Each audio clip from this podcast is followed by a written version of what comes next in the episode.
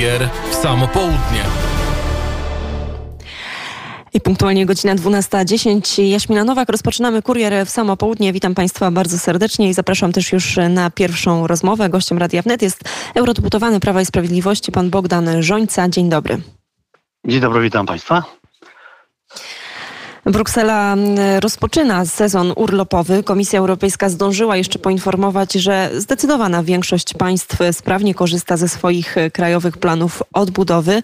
Nie korzysta z tych pieniędzy Polska. Proszę powiedzieć, panie pośle, co pan myśli na temat relacji między Polską a Unią Europejską i ostatnich wydarzeń w związku z KPO? Prawda jest też taka, że inne kraje też nie korzystają, na przykład Holandia, Węgry, także y, to jest taka prawda. Zdaje się, jeszcze Bułgaria nie, nie otrzymała pieniędzy, ale Zaliczka otrzymała. Natomiast y, oczywiście nie ma co ukrywać, że sytuacja jest bardzo poważna, bardzo napięta i y, moim zdaniem no, już dojrzała do tego, żeby po tej dużej cierpliwości, którą wykazywaliśmy jako kraj, jako rząd, po tej mm, cierpliwości czas na, mm, tak powiem, pewnego rodzaju twarde stanowisko, bardzo twarde stanowisko, jednoznaczne. Mamy argumenty, dlatego że byliśmy cały czas z Unią Europejską bardzo solidarni. My przestrzegaliśmy traktatów, my pomagaliśmy E, solidarnie, kiedy nastał COVID, dramat covidowy, bo polski parlament e, czyli zażerował pożyczkę, tak jak 27 innych krajów, więc byliśmy cały czas solidarni, byliśmy bardzo solidarni, jesteśmy z Ukraińcami, czego, komplet, czego kom, kom, kompletnie e, nie dostrzega Komisja Europejska i nawet mówi, że z tego tytułu Polska nie będzie miała żadnego rabatu. To jakby nie jest jej sprawa, właściwie tak to było powiedziane. Właściwie komisarz Reiner tak powiedział. Więc krótko mówiąc, czas na mm, poważną debatę w Polsce przede wszystkim, bo to wszystko wymaga wyjaśnienia. Nie jest bowiem tak, jak e, mówią niektórzy polscy politycy opozycji, że myśmy stracili te pieniądze. Po prostu myśmy wypełnili wszystkie zobowiązania, a Unia nie dotrzymała słowa, zerwała traktaty, naruszyła traktaty, naruszyła umowy i po prostu tych pieniędzy nam nie daje z prostego powodu. Unia Europejska, Komisja Europejska konkretnie i Parlament Europejski w dużej mierze po prostu y, y, chce rozbić polską prawicę, chce usunąć jedną z nielicznych przeszkód, e, bo Polska jest tą przeszkodą w budowaniu państwa europejskiego. No i to, to jest... Może, może nie Polska, że... panie pośle, tylko już mówmy, mówmy też tak jasno, to może nie Polska jest tą przeszkodą e, dla Komisji Europejskiej, tylko tutaj konkretnie PiS, no bo to nawet podnosi sama opozycja, że przyjdą tak. te środki z Unii Europejskiej, kiedy PiS straci Jeśli, władzę. Kiedy, PiS, kiedy Zjednoczona Prawica straci władzę, to wtedy te środki będą, to już dawno było powiedziane. Myśmy się trochę łudzili, że jednak e, ta opozycja jest nie do końca poinformowana poinformowana. Okazało się, że wszystko było ustalone dużo za wcześnie, jeszcze jak Donald Tusk był w Brukseli i później jak stracił swoje stanowisko, czy zakończył swoją kadencję, no to jeszcze troszkę milczał, a później przyjechał do Polski no i realizuje tą politykę ulica i zagranica i w tym wypadku zagranica jest bardzo, e, że tak powiem, pochlebna dla polskiej opozycji, no i chce zniszczyć, e, stłamsić, rozbić polską prawicę, która chce, po prostu nie chce jednego państwa europejskiego. Gdyby nie było kwestii praworządności, gdyby nie było kwestii sędziów, byłby Polska by na przykład nie otrzymała tych samych pieniędzy z powodu na przykład słabego wdrażania e, gender, czy powiedzmy, że mamy nasz system energetyczny jest przestarzały i nie robimy zbyt wiele w tej materii, więc preteksty by się następne znalazły, ale dzisiaj już mamy pewność, że po prostu Komisja Europejska e, chce e, rozbić, zniszczyć Zjednoczoną Prawicę i utorować drogę Donaldowi Tuskowi i lewicy i liberałom do przejęcia władzy w Polsce.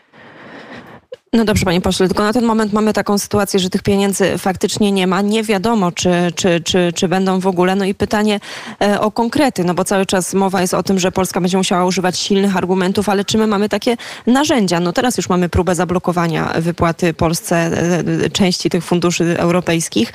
E, no i cały czas słyszymy i ze strony posłów, i ze strony rządu, że odpowiemy konkretnie, ale co za tymi konkretami może stać? To będą e, na pewno weta, o których pan prezes Kaczyński w swoim wywiadzie e, wczoraj, zdaje się, wspomniał. E, I to będą weta, które są możliwe.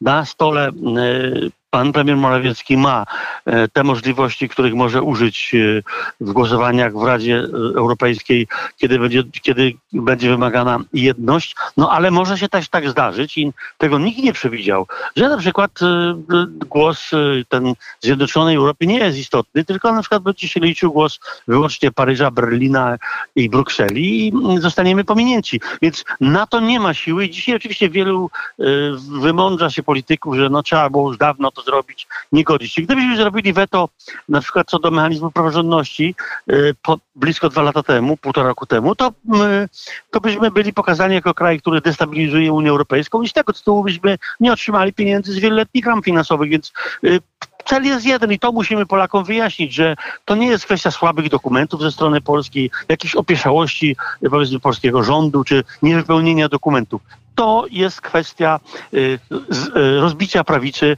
i przywrócenia y, do władzy liberałów w Polsce i ten cel jest realizowany i byłby realizowany w każdym innym przypadku, to już wiemy. Panie pośle, to jeszcze jeden e, bardzo ważny temat, kryzys e, energetyczny i tutaj pytanie głównie w kontekście Niemiec, ale też e, całej mm, Unii Europejskiej. Teraz Niemcy debatują nad przedłużeniem pracy trzech głównych elektrowni atomowych, a nawet też nad powrotem do węgla. I pamiętamy, jaki był stosunek do Polski przez wiele lat, jeżeli chodzi o polską politykę energetyczną. Jak pan uważa? To takie bardziej pytanie ogólne. Jaka Unia Europejska wyłoni się z tego kryzysu energetycznego? W którą stronę mm, to wszystko e, zmierza? No i czy grozi nam taki rozłam, takie niezdecydowanie wobec e, Rosji, a nawet też być może wobec sprawy ukraińskiej?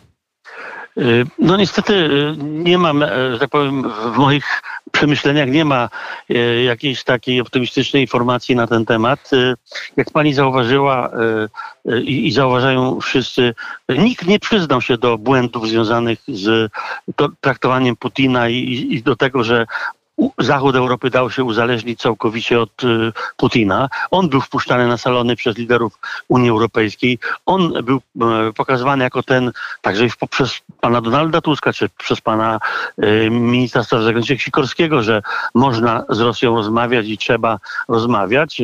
Przypomnę, że pan też pan Waldemar Pawlak też powiedział, że co śmierdzi wam gaz rosyjski, będzie się gorzej palił, więc są e, te elity w Polsce e, dosyć dobrze powiązane z różnych powodów e, z Putinem. Tak samo jest na Zachodzie, albo jeszcze bardziej te elity są powiązane z Putinem. Wobec tego uważam, że ten deal biznesu zachodnioeuropejskiego z Putinem będzie.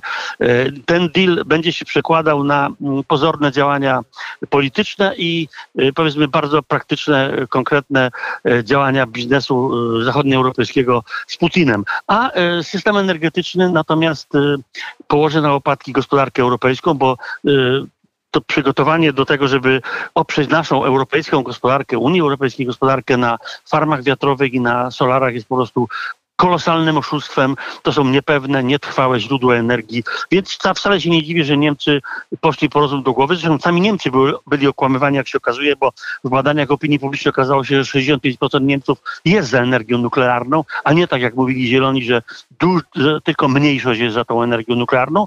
Więc Niemcy też przejrzeli na, oczy, na oczy i wobec tego y, w jawie jeszcze kryzys energetyczny pogłębiający się w Unii Europejskiej, szybki powrót do mm, energii nuklearnej, do węgla i do gazu oczywiście, a do tego dojdzie jeszcze kryzys w strefie euro.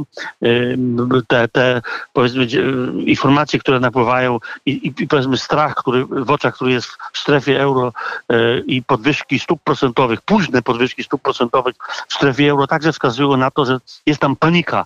Wobec tego e, Unia Europejska będzie w kryzysie, przestaniemy być konkurencyjni w stosunku do USA, do Chin, do Indii e, i będziemy dalej opowiadać, liderzy europejscy będą dalej opowiadać, że jest dobrze i, musimy, i musi być więcej Unii w Unii, co jest oczywiście konkretnym kłamstwem.